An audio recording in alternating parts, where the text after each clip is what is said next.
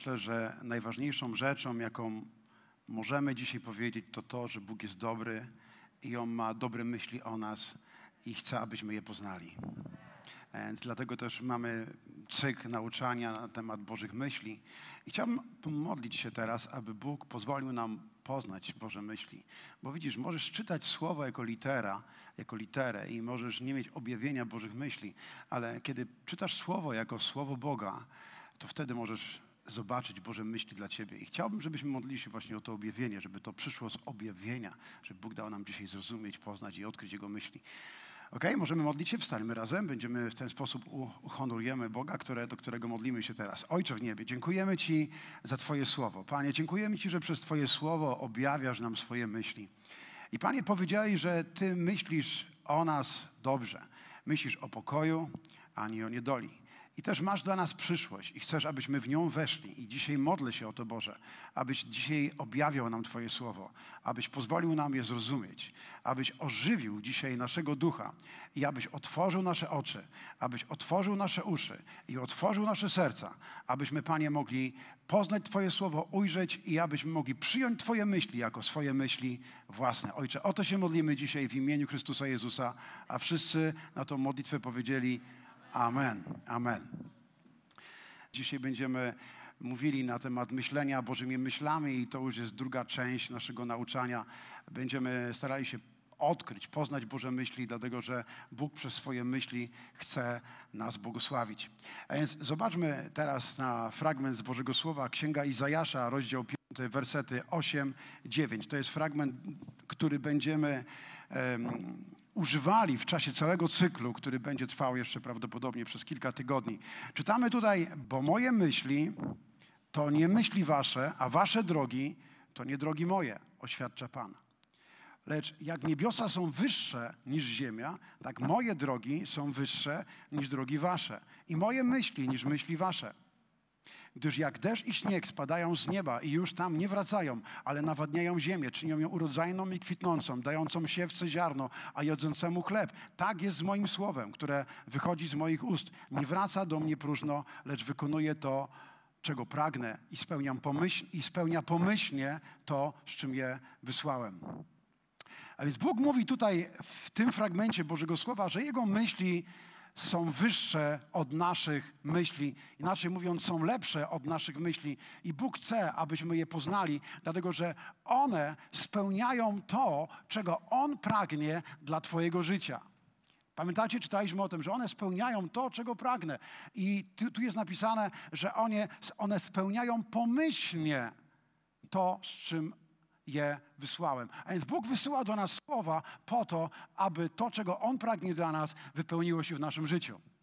Amen? I to jest ważne i to jest cel, dla którego również badamy, rozważamy i studujemy dzisiaj Boże myśli. Widzisz, szacuje się, że w naszym umyśle codziennie pojawia się, zgadnijcie ile, ile tysięcy myśli. Badacze stwierdzili, że średnio w naszym umyśle pojawia się 60 tysięcy myśli w ciągu dnia. Myślę, że to jest dość dużo.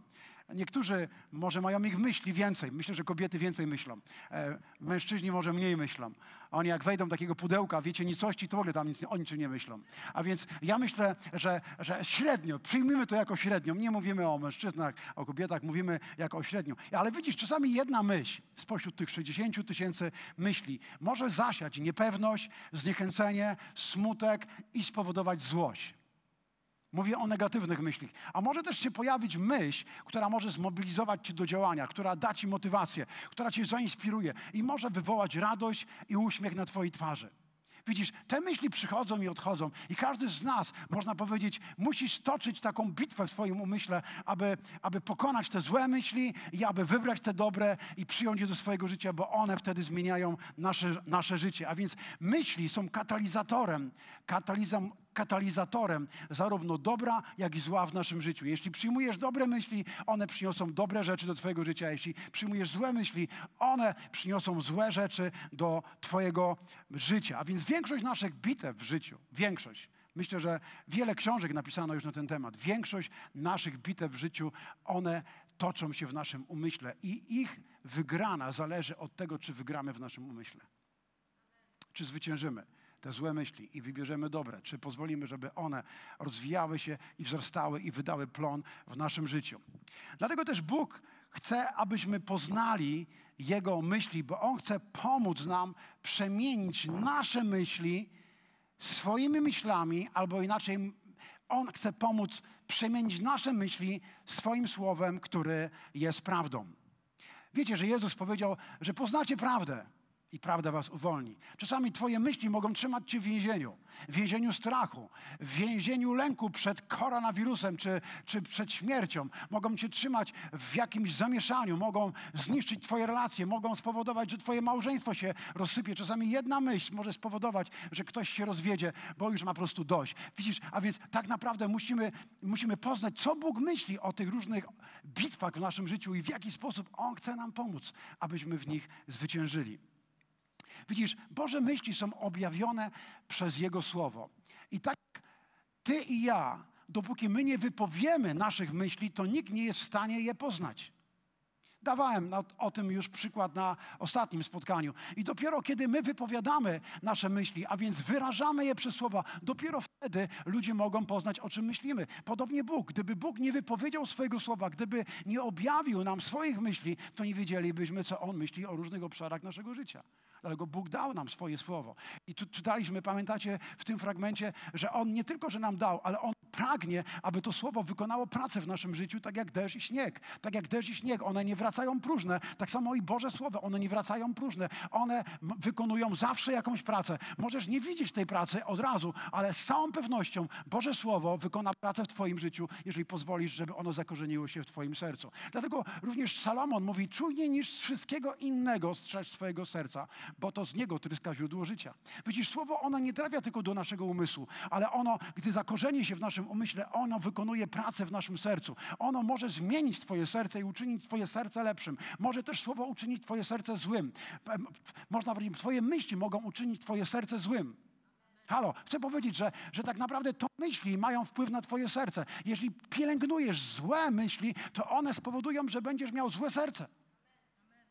Pamiętacie, kiedy Bóg posłał e, potop na ziemię, to Biblia mówi, że wszystkie myśli serca ludzkie były złe. Ludzie byli niegodziwi i wszystkie myśli ludzkich serc były złe. I Bóg chciał zmienić serca człowieka. I Bóg chciał zmienić życie ludzi na ziemi. Chciał, żebyśmy żyli doświadczając Jego Królestwa. Dlatego też On chce nam pomóc, abyśmy zaczęli myśleć tak, jak Bóg chce, abyśmy myśleli. Wiesz, Biblia mówi, apostoł Paweł o tym mówi liście do Koryntian, że my jesteśmy myśli Chrystusowej. A więc Boże życie może być Twoim życiem tylko wtedy, kiedy zaczniesz myśleć tak, jak myśli Chrystus.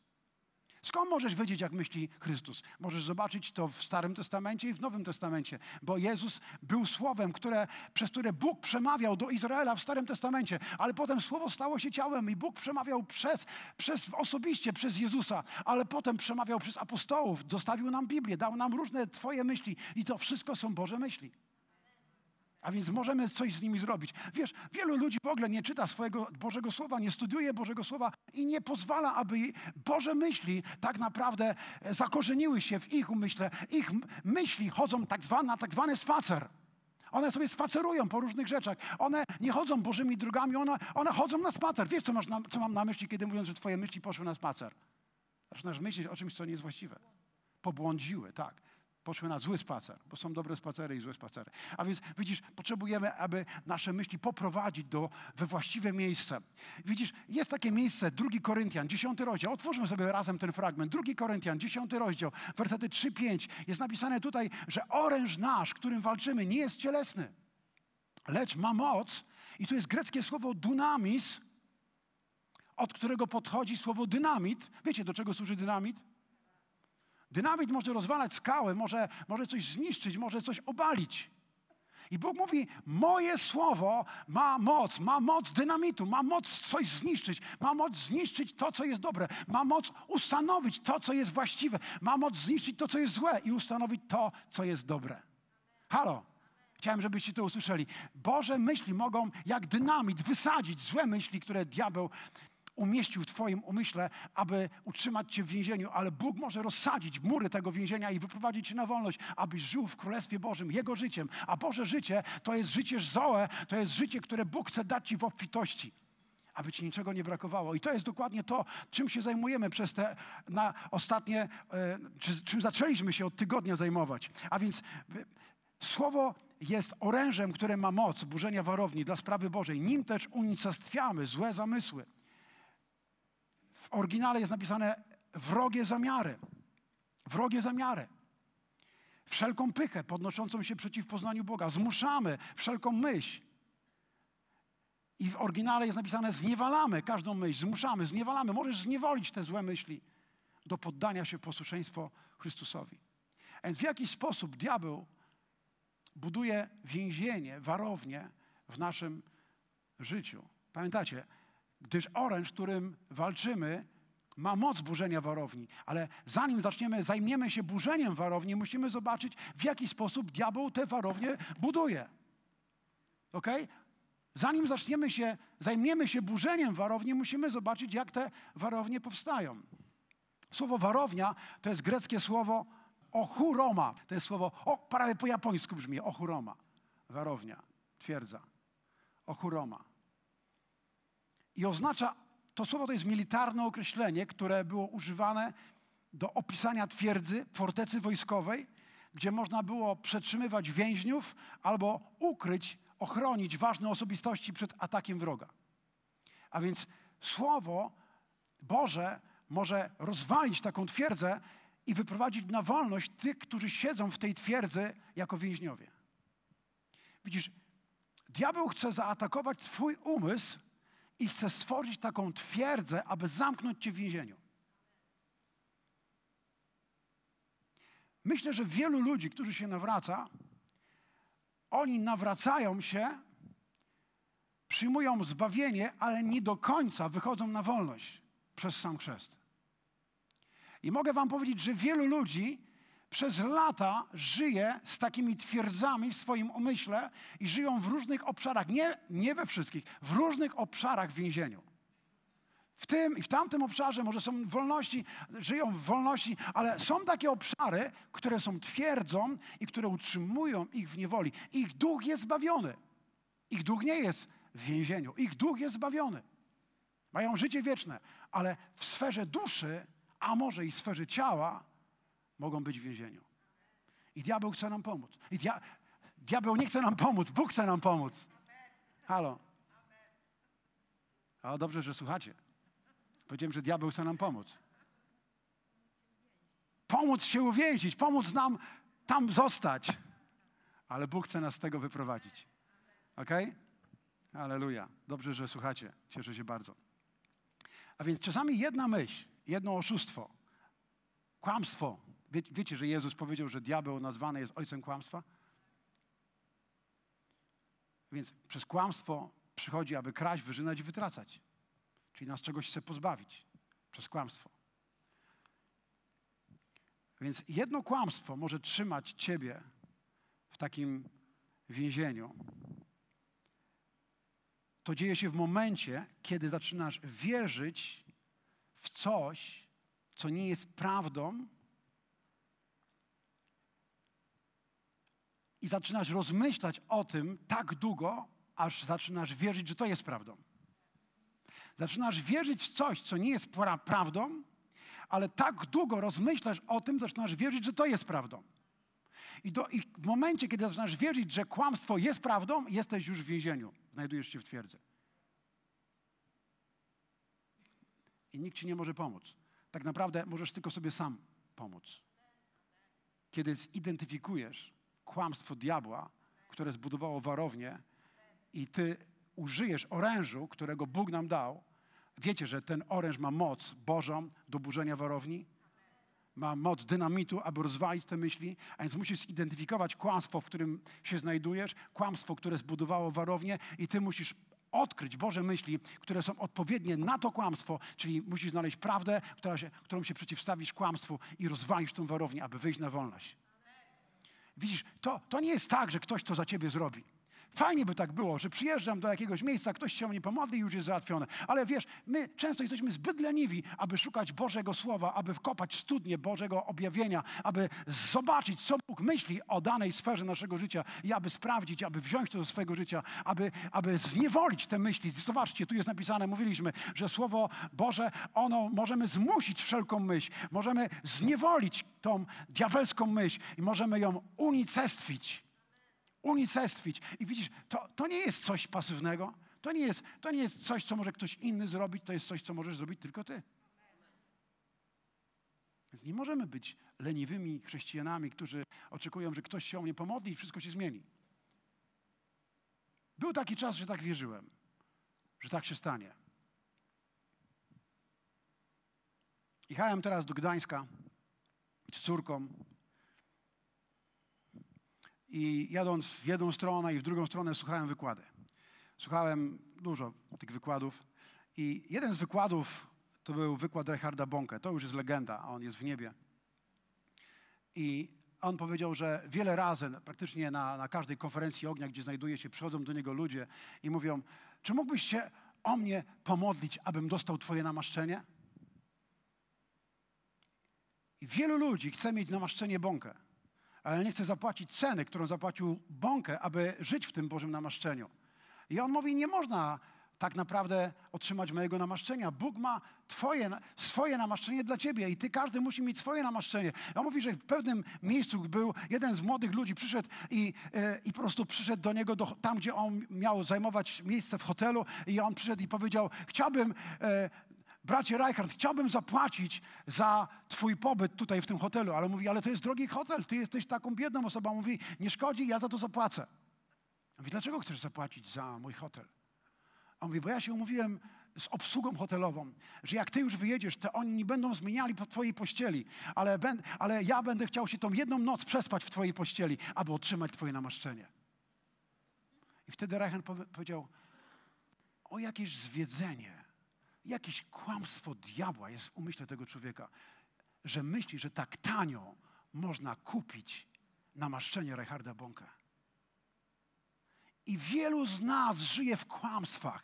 Myślimy w nieboży sposób. Myślimy o namaszczeniu, tak jak diabeł chce, abyśmy myśleli. Możemy wydawać pieniądze, robić różne rzeczy, ale w ten sposób nie jesteś w stanie otrzymać namaszczenia Reicharda Bonke. Tak naprawdę nikt nie jest w stanie otrzymać, bo to było namaszczenie dla Reicharda Bonke, a ty możesz mieć swoje które przyjdzie przez relację z Bogiem. A więc jest tak wiele zwiedzenia, kłamstw i złego myślenia, dlatego że tak wiele Bożego, niebożego myślenia jest w naszym umyśle, dlatego diabeł może takie spustoszenie powodować na całym świecie i również w naszym kraju, bo wierzący ludzie nie myślą w Boży sposób. Jest czas, abyśmy skonfrontowali nasze myślenie, abyśmy dali odpór tym wszystkim diabelskim myślom. Jest, jest tak wiele złego myślenia, które powoduje podziały, rozłamy i to, że Kościół jest słaby i ludzie nie mogą się nawrócić i mogą przyjść do Jezusa. Pamiętacie, co Jezus mówi? O to się modlił, abyśmy byli doskonali w jedności, aby w ten sposób świat poznał, że jest, że On, Bóg Ojciec, posłał swojego Syna Jezusa. Ale my mamy głupie myślenie od diabła i dzielimy się z byle powodu bzdury i byle ambicji. I tak można by mówić o wielu różnych obszarach życia, w których diabeł utrzymuje Kościół w więzieniu, w niewoli, okrada nas, oszukuje i osłabia, aby świat nie poznał, kim jest Jezus. Jest czas, abyśmy poznali Boże myśli. Amen? Więc jakie myśli może diabeł umieścić w naszym umyśle, aby nas utrzymać w niewoli? Na przykład jedna z takich myśli to to, aby nie ufać ludziom. Czy ktoś z was doświadczył jakiejś przykrej rzeczy od człowieka? Innego, od drugiego człowieka? Byłeś oszukany, wykorzystany? Ciągle to będzie miało miejsce. Ale diabeł przyjdzie i, powie, i powie ci, musisz unikać ludzi. Najlepiej zamknij się w swoim pokoju i nie wychodź. Bo ktoś cię może zranić, ktoś cię może oszukać. I w ten sposób Diabeł oddziela nas od relacji z innymi ludźmi, bo ludzie przecież mogą nas zranić. A więc diabeł mówi, nie możesz ufać ludziom. Druga, drugie kłamstwo mówi, nigdy nie odniesiesz sukcesu, nie jesteś wystarczająco zdolny. Tak, ten czy tamten. Inne kłamstwo diabła to to, że mówi, zawsze będziesz biedny i utrzymuje nas w takiej mentalności biedy i ubóstwa. Nie możesz dawać, bo jesteś zbyt biedny. Ja pamiętam, jak przyjeżdżaliśmy do, przyjechaliśmy do Częstochowy i po raz pierwszy wygłosiłem kazanie na temat dziesięciny. I pewien człowiek do mnie przyszedł i powiedział, bracie, to było ostatnie spotkanie u was w kościele, niestety, ale to nie jest kościół dla mnie. Mówię, dlaczego? Mówię, ja, ja jestem biedny, ja, ja jestem na emeryturze, moja mama jest na emeryturze, my, my nie, ja nie jestem w stanie dawać e, jakiejś dziesięciny, o której ty tutaj mówisz. Mówię, widzisz, ty, ty, ty jesteś zbyt biedny, aby dawać dziesięcinę, a, a ja uważam, że jestem zbyt biedny, mam zbyt mało, aby nie dawać dziesięciny. Niby to samo, jednak różnica. Miejsce, w którym byłem, to było miejsce, w którym ja i moja żona mieliśmy już dwoje dzieci, bo urodziła się Ania. I mieliśmy Szymona. I tylko ja jako misjonarz zarabiałem, a moja pensja to było 15 funtów. Z na złotówki to było naprawdę mało. Więc miałem dużo mniej niż on. Ja wiedziałem, że jestem zbyt biedny, żeby nie dawać dziesięciny. Nie mogę sobie na to pozwolić. Moje myślenie było zupełnie inne niż tego człowieka. Czy rozumiecie, co chcę powiedzieć?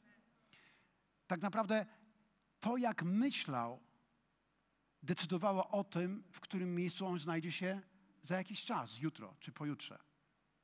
To, jak ja myślałem, miało wpływ na to, gdzie jestem dzisiaj. I tak jest cały czas w różnych obszarach. A więc diabeł może przyjść i powiedzieć: Jesteś będziesz zawsze biedny. Albo mówili, nigdy nie będziesz miał dobrego małżeństwa. Twój tata się rozwiódł z mamą, twój dziadek się rozwiódł, ty też się rozwiedziesz. Nigdy nie będziesz miał dobrego małżeństwa. Wiecie, Biblia mówi wyraźnie, że Bóg nie lubi, nienawidzi rozwodów. Ale diabeł mówi, tak samo skończysz jak oni. I teraz, jeżeli zaczniesz myśleć tak, jak oni myśleli, to tak skończysz jak oni. Ale może zacząć myśleć inaczej. Kolei diabeł przychodzi i mówi, nie nadajesz się, żeby być liderem. To, te małe grupy, te całe uczniostwo, to nie jest dla ciebie. Nie znasz wystarczająco dobrze Biblii. Ale może tak naprawdę znasz na tyle już Biblię, że możesz komuś, kto dopiero przychodzi, jest jeden dzień, możesz coś więcej powiedzieć. Bo on dopiero jest na starcie, a ty już jesteś jakiś czas z Chrystusem. Diabeł będzie kłamał nas ciągle po to, aby utrzymać ciebie w myśleniu w złym myśleniu, w więzieniu, abyś nie był błogosławieństwem dla innych ludzi. Inne kłamstwo to jest to, że diabeł przychodzi i mówi, że Bóg się o ciebie nie troszczy, nie słyszy twoich modlitw. Że Bóg ciebie nie uzdrowi, bo uzdrowienie nie jest Bożą wolą dla wszystkich. I moglibyśmy tak wymieniać jedno za drugim, jedno za drugim. I możemy mieć wiele różnych kłamstw diabelskich, które utrzymują ludzi w więzieniu. Więc jak mamy walczyć z takimi myślami? W jaki sposób? Właśnie Bóg dał nam oręż. Bóg dał nam Słowo Boże, dał nam swoje myśli. Po to, abyśmy nie przegrali bitew w naszym życiu, w umyśle, tak jak przegrał je Adam i Ewa w ogrodzie Eden. Pamiętacie, jak Adam i Ewa przegrał bitwę? Chciałbym, abyśmy przez chwilę przeczytali ten fragment o Adamie i Ewie. Pierwsza Mojżeszowa, trzeci rozdział, wersety 1-4. Zobaczmy ten fragment. Czytamy tutaj, wąż natomiast był przebieglejszy niż wszystkie inne zwierzęta stworzone przez Pana Boga. Zapytał on kobietę, czy rzeczywiście Bóg powiedział, że nie wolno wam jeść owoców z żadnego drzewa ogrodu? Kobieta odpowiedziała, możemy jeść owoce z drzewa ogrodu, z drzew w ogrodzie. Bóg zabronił nam jedynie jeść owoce z drzewa, które rośnie w środku ogrodu. Polecił, nie jedźcie z niego, ani nie dotykajcie, abyście nie pomarli. Wówczas wąż zapewnił kobietę, na pewno nie pomrzecie. Powiedzcie ze mną, na pewno nie pomrzecie. Hmm. I dalej powiedział, Bóg wie, że gdy tylko zjecie z tego drzewa, otworzą się wam oczy i staniecie się jak Bóg. Poznacie dobro i zło. Oczywiście znamy dalej, co się stało w tej historii. Czytamy tutaj, że kobieta poszła za, tym, za tą myślą i przyjrzała się owocom wydawały się jej warte spróbowania, wyglądały pięknie, a ponadto dzięki nim mogła się ziścić, mogło się ziścić jej pragnienie poznania. To pragnienie poznania prowadzi wielu ludzi do więzienia. To pragnienie poznania tego czy tamtego, co wcale nie jest Bożą, Bożą wolą dla nich, to pragnienie prowadzi ich do miejsca, w którym mogą przebywać przez lata, do jakiejś twierdzy, do jakiejś warowni, kłamstwa tamtym tygodniu przyszedł do kościoła człowiek, który chciał porozmawiać ze mną. I miał oczy takie strasznie rozbiegane. Widziałem, że coś nie w porządku z jego psychiką jest. I on powiedział, że jest zniewolony przez hazard, przez narkotyki. Śpi w samochodzie. Młody człowiek. Ja powiedziałem, opowiedz mi trochę o sobie. I ja więc powiedział, że rodzice są bardzo bogaci i, zajmują się sprzedażą ziemi, nieruchomości i, i po prostu podarowali mu działkę e, budowlaną i on tą działkę sprzedał. I całą działkę przegrał na loterii. Całą działkę. A więc pytam się, a jak się z tym czułeś? No źle. No i, i co potem zrobiłeś? No zdobyłem pieniądze i znów zagrałem.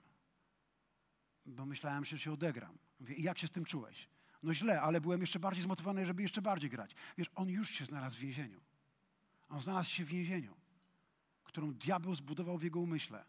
Warownik, którym diabeł zbudował w jego umyśle. Wiesz, są różne warownie. Jeden ma taką, drugi ma taką. Ale te wszystkie warownie zawsze doprowadzą cię do jednego miejsca, do więzienia że nie będziesz żył pełnią życia, takim życiem, jakim Bóg ma dla ciebie. Będziesz ograniczony, będziesz związany, nigdy nie będziesz cieszył się Bożą wolą i przeznaczeniem, które Bóg ma dla ciebie. A więc szatan przychodzi tutaj do Adama i do Ewy i mówi: Na pewno nie umrzecie. Na pewno nie umrzecie.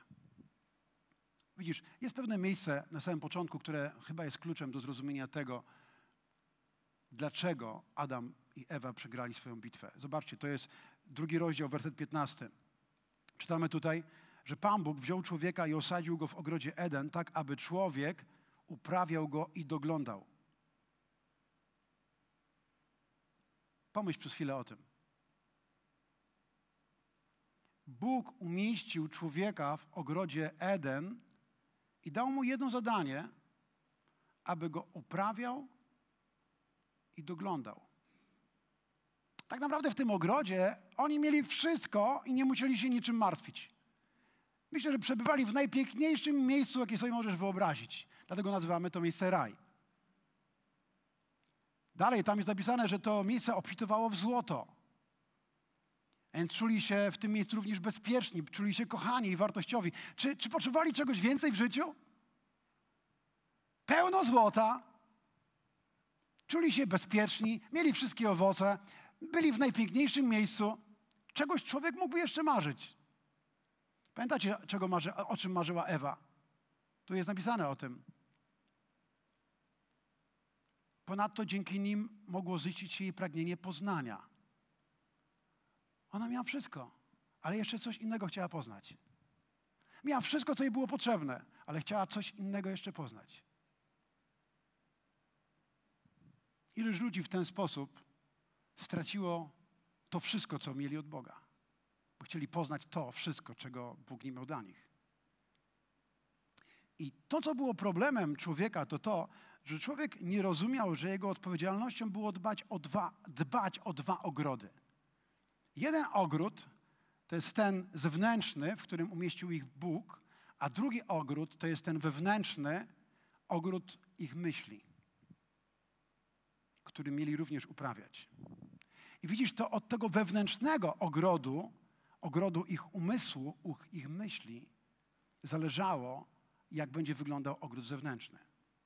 Widzisz, to, jak wygląda Twoje zewnętrzne życie, zależy tak naprawdę od tego, w jaki sposób uprawiasz ogród Twoich myśli.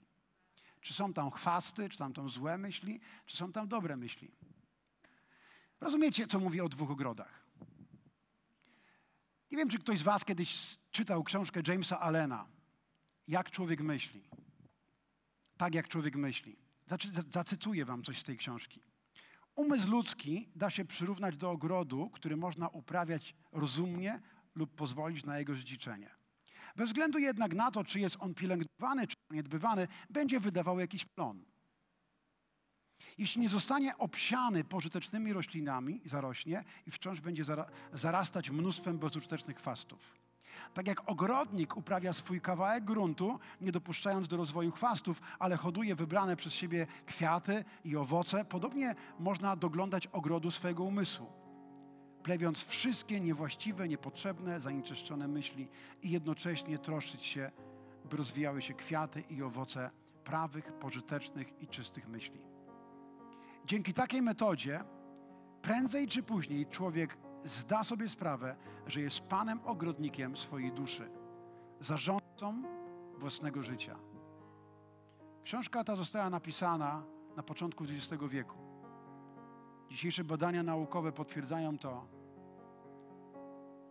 że można przez nasiona spowodować, że ogród zaraśnie chwastami, stanie się toksyczny, myśli staną się toksyczne i wyzwolą pewną negatywną chemię w Twoim życiu. Dlatego, że mózg produkuje biochem, ma wpływ na biochemię mojego organizmu i może uczynić Ciebie chorym, słabym, wypalonym, człowiekiem w depresji, zniechęconym i doprowadzić Cię do śmierci. Myśli. Tylko myśli. Rozwalą Twoje małżeństwo, rozwalą Twój biznes, zniszczą Twoje relacje, pozbędą Cię, pozbawią Cię przyjaciół. Wszystko się dzieje w ogrodzie wewnętrznym. Wszystko się dzieje w tym wewnętrznym ogrodzie myśli. I Bóg dał odpowiedzialność Adamowi i Ewie nie tylko, aby dbali o ogród zewnętrzny, w którym ich umieścił, ale aby dbali również o ogród wewnętrzny, ogród swoich myśli. Dlatego dał im swoje myśli, powiedział im, co mają robić, czego mają nie robić, co mają dotykać, czego mają nie dotykać, aby byli szczęśliwi. Ale kiedy diabeł przyszedł, on powiedział: Na pewno nie umrzecie. Hmm. Na pewno nie umrzecie. Możliwe, że diabeł znał to prawo myśli. On wiedział, co się dzieje, kiedy pozwolimy tym złym myślom, tej myśli, którą on im zasiał, zakorzenić się w ogrodzie myśli. Możliwe, że dlatego, że on sam doświadczył tego, co spowodowało jego myśli pychy, spowodowały bunt, a potem musiał opuścić niebo. Pamiętacie? Te myśli pychy doprowadziły go do opuszczenia miejsca przed tronem Bożym i pozycji, jaką miał w Bogu. Był jednym z trzech archaniołów. Miał niesamowitą pozycję w niebie, ale myśli pychy, myśli jego serca pozbawiły go tego wszystkiego. A więc wiedział, jak to działa. Przyszedł, aby pozbawić teraz Adama i Ewę miejsca, w którym Bóg ich umieścił, aby zająć ich miejsce i aby przyjąć władzę i autorytet, który Bóg im dał. I jemu się udało. Okradł ich. Wiesz, że wielu chrześcijan również pozwala się okradać? Po prostu pozwalamy się okradać. Przez to, że tak jak Adam i Ewa, zaczynamy rozmyślać nad Jego myślami. Czy na pewno Pan powiedział? Czy na pewno Pan powiedział? Czy rzeczywiście to Bóg powiedział?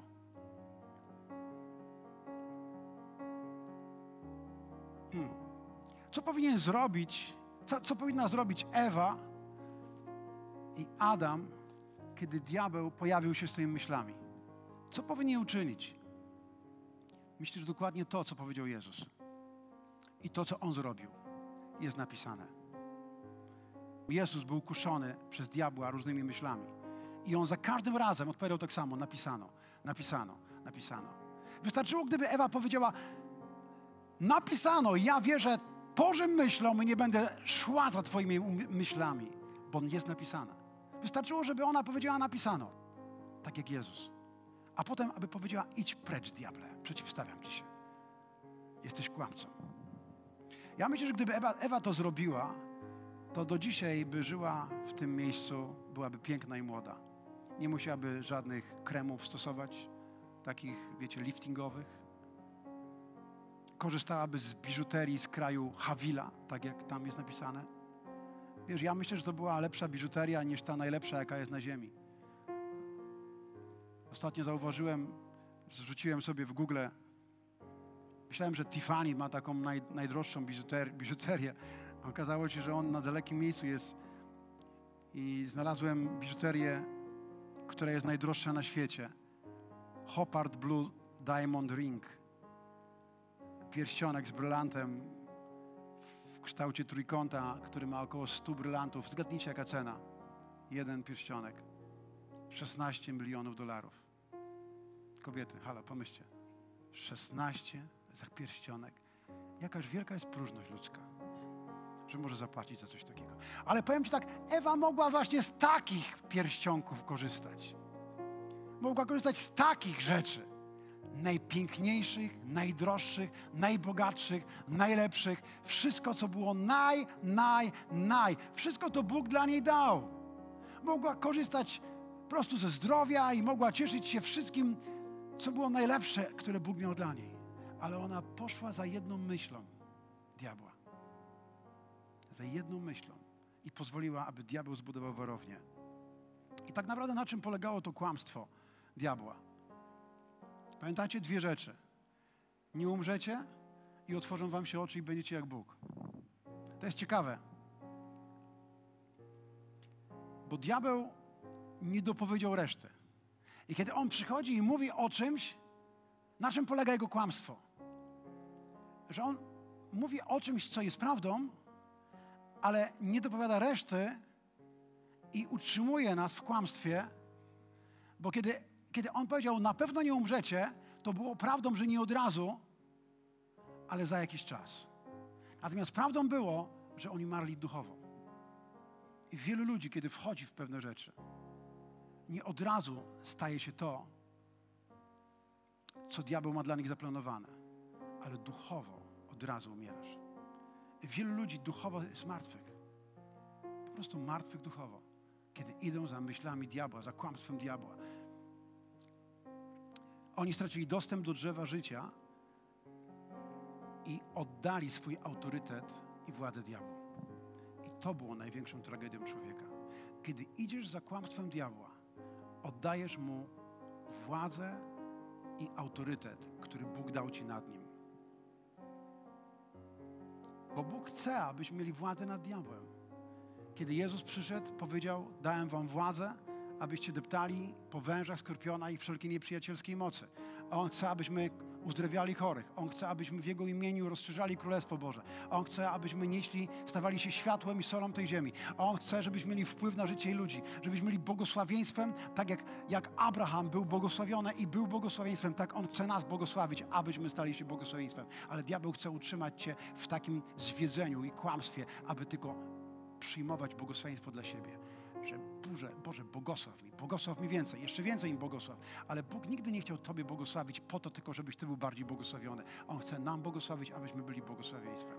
A więc te wszystkie kłamstwa powodują, że nie wchodzimy w nasze przeznaczenie. Druga rzecz, którą diabeł powiedział, to powiedział, otworzą się Wam oczy i będziecie jak Bóg.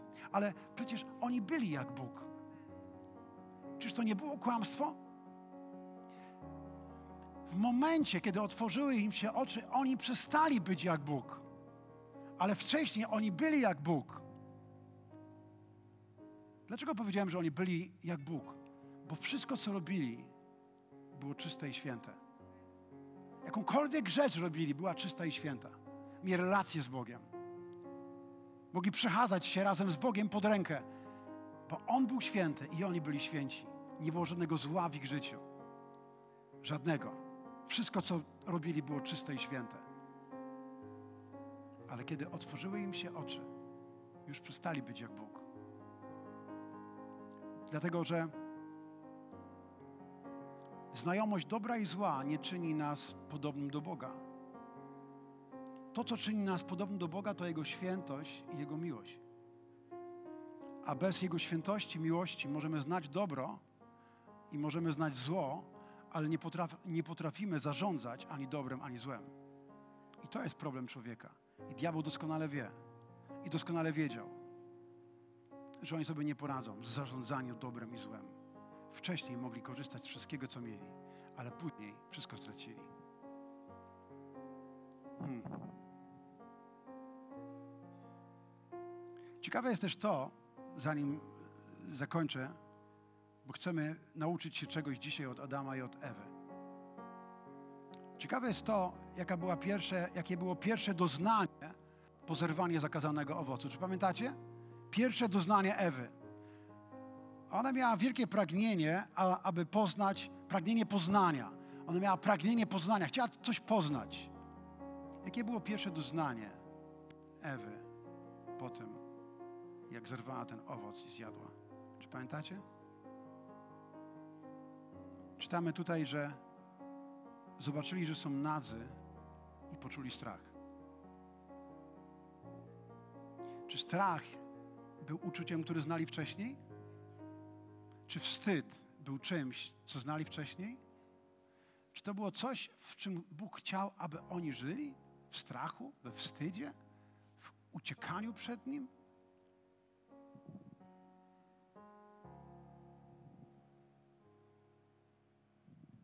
Ja, ja myślę, że właśnie to chce zrobić diabeł. Chce doprowadzić cię do tego, do miejsca, w którym pójdziesz za jego kłamstwem, którym on będzie mógł zbudować warownię, aby utrzymać cię w strachu, aby cię utrzymać we wstydzie. A więc czytamy tutaj w Bożym Słowie, usłyszałem, kiedy przyszedł Bóg, powiedział, jednak Pan Bóg zaczął wołać człowieka, gdzie jesteś? A on na to, usłyszałem, że jesteś w ogrodzie i przestraszyłem się, bo jestem nagi, dlatego ukryłem się. Widzisz, dotąd Adam nigdy nie znał uczucia strachu. Ale w momencie, kiedy diabeł go okradł z Bożego myślenia o nagości, on zaczął odczuwać strach. A więc zobaczcie, jak Bóg patrzy na nagość, jak Bóg patrzy na seks, jak Bóg patrzy na współżycie, jak Bóg patrzy na cudzołóstwo i rozwód, jak Bóg patrzy na strach. Czy powinniśmy się bać? Czy są rzeczy, których, których wyraźnie Bóg mówi, nie bójcie się ich? Jest ich mnóstwo. Bóg mówi, nie bój się tego, nie bój się tamtego. 365 razy Bóg mówi w Bożym Słowie, nie bój się. Bóg posyła do nas myśli i mówi: Chcę, abyście mi zaufali. Chcę, żebyście byli ukryci we mnie, bo kiedy jesteście ukryci we mnie, nie musicie się bać. To, czego powinniście się bać, to powinniście się bać Boga jako bojaźń Boża. Nie lęk, strach przed Bogiem, przerażenie, ale bojaźń Boża. To jest to, czego powinniście się bać. Diabeł tak zamieszał w świecie, że ludzie powywracali do góry nogami wiele rzeczy. I dzisiaj nie patrzą na seks tak, jak Bóg patrzy na seks. Nie patrzą na nagość tak, jak Bóg patrzy na nagość. Nie patrzą na cudzołóstwo w taki sposób, jak Bóg patrzy na cudzołóstwo. Ale Bóg mówi, moje myśli to nie myśli wasze. I tak jak niebo jest wyższe od ziemi, tak moje myśli są wyższe od myśli waszych. Chcę, abyście poznali moje myśli. Chcę, żebyście rozbili te warownie. Chcę, żebyście je zniszczyli. Chcę, żebyście rozprawili się z tymi wszystkimi myślami, które, przez które diabeł chce utrzymać was w więzieniu i abyście wyszli na wolność. To jest dokładnie to, czym zajmujemy się teraz w czasie, kiedy rozważamy myśleć myślami Bożymi.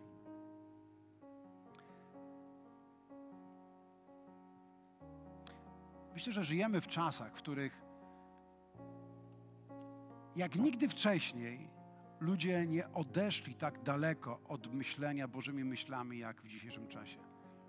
Ja pamiętam, kiedy, kiedy byłem w szkole, w szkole średniej, i ktoś przyniósł purnusa, świerszczyk, wiecie, to gdzieś z zachodu ściągali to, to to był, to było coś tabu. To my po prostu wiedzieliśmy, że to jest takie wstydliwe, że, że po prostu no trzeba to ukryć. Nie było do pomyślenia, żeby ktoś to w ogóle znalazł. W tamtych czasach sama myśl o homoseksualizmie była obrzydliwa. Było to nie do pomyślenia, żeby, żeby na przykład mężczyzna z mężczyzną publicznie całował się. To w ogóle wszystkie te rzeczy w tamtym czasie były nie do pomyślenia. Dlaczego? Bo jeszcze troszeczkę mieliśmy takiego Bożego myślenia o pewnych obszarach życia. Kiedy mówimy o świętości, którą miał Kościół na początku XX wieku, nie mówię XIX, i o tym, co można było robić, a co nie, to wydaje mi się, że bardzo dzisiaj obniżyliśmy standardy. Że bardzo obniżyliśmy standardy świętości. Zeszliśmy dużo poniżej tego, co Bóg ma dla nas. I dzisiaj Bóg mówi: musicie wyjść z tych warowni, z tych więzień, bo ja mam dla Was namaszczenie ja mam dla Was mojego Ducha Świętego. Ja mam da, dla Was wpływ. Ja chcę, abyście stali się solą dla tej ziemi, abyście stali się światłem tego narodu. Ja chcę, abyście wyszli ze swoich kościółków i przestali się skupiać tylko na tym, żeby mieć dobre kazanie i, i żeby mieć fajne uwielbienie i poczuć się lepiej. Ale chcę, abyście stali się moim narzędziem moim narzędziem przemiany narodów, abyście szli i czynili uczniami, abyście wyszli z tego miejsca, w którym siedzicie i oczekujecie, że ciągle będziecie karmieni i ktoś będzie wam dawał nowy pokarm, bo jesteście już na tyle dojrzali, aby, zaś, aby zacząć dawać pokarm innym. Jest czas, aby zmienić myślenie. I Bóg chce nam w tym pomóc. Bo moje myśli, mówi Pan, to nie myśli wasze. I moje drogi to nie drogi wasze.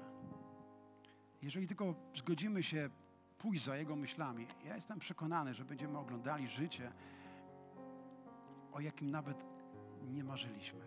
Bo Biblia mówi, to czego oko nie widziało i czego ucho nie słyszało, to Bóg przygotował dla tych, którzy Go miłują. Czego oko nie widziało i czego ucho nie słyszało, to Bóg przygotował dla nas. Jeżeli tylko uchwycimy Jego myśli, jeżeli pójdziemy za Jego myślami, jeżeli pozwolimy, by Boży oręż, by Boże Słowo rozwaliło te kłamstwa diabła i warownie. Jestem przekonany, że będziemy mogli oglądać niesamowite rzeczy w naszych czasach. Powstajmy, będziemy się o tym modlili. Halleluja, halleluja. Shaka pakara bakashiki to kuruki. Kochany Ojcze, dziękujemy Ci za Twoje Słowo. Panie, dziękujemy Ci, że Twoje myśli się nie zmieniają. U Ciebie nie ma żadnego zaćmienia ani zamglenia.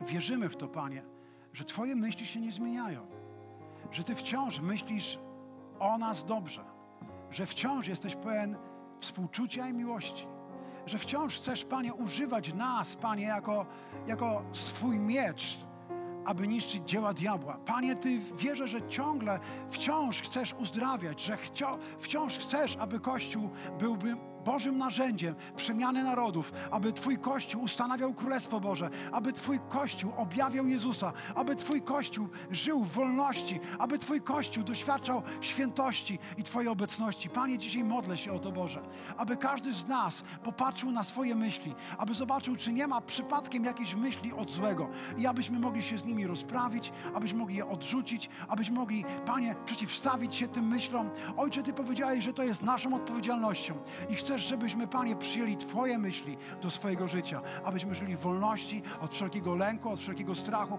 abyśmy wierzyli, że, że Ty jesteś w nas, a my jesteśmy w Tobie. Ojcze, modlę się o to dzisiaj w imieniu Chrystusa Jezusa. W imieniu Chrystusa Jezusa. Amen. Amen. Halleluja. Halleluja. Zanim za, za, nie, zakończymy nasze spotkanie,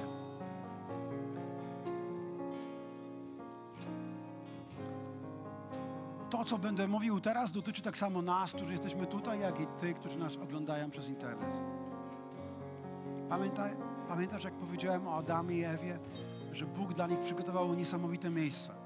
Chciał, żeby oni żyli w Jego obecności. Bóg przechadzał się po ogrodzie i, i miał relację z Adamem i z Ewą. Ale przed moment, w którym diabeł okradł ich z tej relacji. Kiedy patrzymy na historię, Bożego narodu, widzimy, że naród miał w pewnym momencie piękną religię. Miał wiele obrzędów, mówię o Izraelu, ale nie miał relacji. Ale kiedy Jezus przyszedł, On przyszedł, aby objawić Ojca i aby, aby tak naprawdę dać nam na nowo dostęp do, Bożego, do Bożej obecności, abyśmy mogli mieć odbudowaną relację z Nim. Dlatego Biblia mówi, że my możemy być pojednani z Ojcem przez Jezusa. Przez Jezusa możesz być pojednany z Ojcem aby mieć znów relację, tak jak Adam i Ewa. Kiedy Bóg przyszedł do ogrodu Eden, mówił: Adam, gdzie jesteś? Ale Adam uciekał przed Bogiem. Chciał się ukryć, bo czuł, czuł wstyd, czuł, że zrobił coś nie w porządku. Może i ty dzisiaj czujesz wstyd, może i ty dzisiaj czujesz się nieadekwatny, aby mieć relację z Bogiem, ale chcę ci powiedzieć, Jezus umarł na krzyżu, aby przebaczyć ci twoje wszystkie grzechy. On już umarł za Twoje grzechy i nie, nie, musisz uciekać przed Bogiem, nie musisz żyć w strachu, nie musisz żyć w potępieniu, nie musisz żyć w wstydzie. Możesz dzisiaj przyjść do Jezusa i powiedzieć: Jezu, ja potrzebuję Twojego przebaczenia, bo chcę mieć relację z Ojcem. Ja chcę korzystać z, z drzewa życia, chcę korzystać z tego królestwa, o którym mówisz. Chcę żyć w tym wszystkim, co masz dla mnie. I to, co potrzebujesz dzisiaj zrobić zarówno my tutaj na tej sali, jak i ty, który nas oglądasz przez internet, musisz podjąć decyzję, aby wrócić do Jezusa, wrócić do Boga, aby powiedzieć, tak Jezu, potrzebuję Twojego przebaczenia, tak potrzebuję, abyś stał się moim Panem. Jeżeli chcesz to dzisiaj uczynić, chciałem Cię poprowadzić w modlitwie. Możliwe, że ktoś, kto nas ogląda, chciałby też odbudować swoją relację z Bogiem. Powtórz ze mną słowa tej modlitwy. Ci, którzy są na tej sali i ci, którzy nas oglądają, możesz ze mną modlić się tą krótką modlitwą. Powtarzaj. Powtarzaj te słowa. Niech one będą Twoje, niech one wypłyną z Twojego serca. Ojcze w niebie, dziękuję, że mnie kochasz i że pragniesz relacji ze mną. Przepraszam Cię teraz, że chodziłem swoimi drogami i podejmowałem, podejmowałem złe decyzje. Ale dzisiaj podejmuję najlepszą decyzję i przyjmuję Jezusa jako Zbawiciela. Przyjmuję Twoje przebaczenie i oddaję Ci całe moje życie. Od tego dnia należy do Ciebie. Wyznaję Ciebie moim Panem i moim Zbawicielem. A teraz poprowadź mnie Twoimi drogami, abym mógł żyć w Twoim Królestwie, Twoim życiem. W imieniu Jezusa to się modlę. Amen. Amen. Aleluja.